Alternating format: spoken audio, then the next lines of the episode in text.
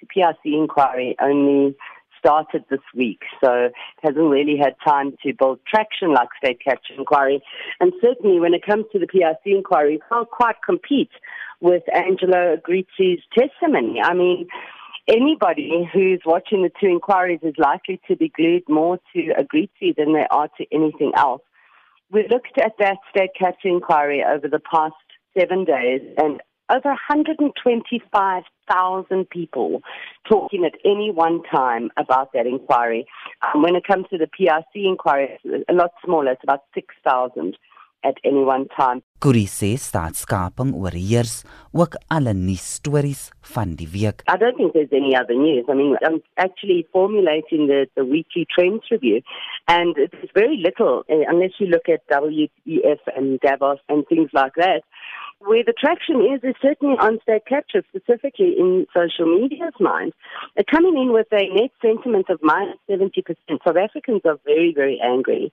And the biggest focus is Angelo Agrizzi. Maar hoe reageer sosiale media gebruikers op die getuienis by die kommissie? These commissions certainly been well received for about the situation, but from a, a negativity perspective, political parties specifically the ANC, is coming under huge fire from social media. People saying, well, I can't vote ANC ever again, even though it was the old regime. People certainly unhappy with the performance of the ruling party. Certainly, the memes on Angelo Agrizzi have just been hysterical.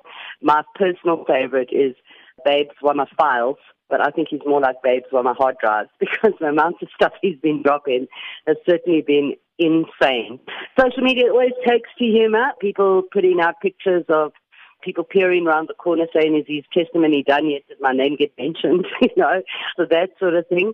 But yeah, it's a serious, serious conversation that we're trying to make light of just to make ourselves feel a little bit better. Sy sê die kommissie kan dalk 'n impak hê op kiesers se steun in die komende verkiesing. I think it's fascinating that Zuma actually put the state capture inquiry together and it's come back to bite the ANC, certainly very hard. I'm sure we'll hear more stories as time goes on, but at the moment, the Zuma regime under with the ANC certainly appears to be the most corrupt thing we've ever seen as a country, and certainly an international story to, such a level. There is also the convergence of the VBS story within the state capture inquiries. Every time anybody from EFF says, well, you should be voting EFF, everybody comes back and says, okay, but what about VBS? So social media very much awake and paying attention, but also left with not knowing who to vote for. Dit was Tonia Kuri, die direkteur van Acumen Media, Jean Estreisen, SAICanis.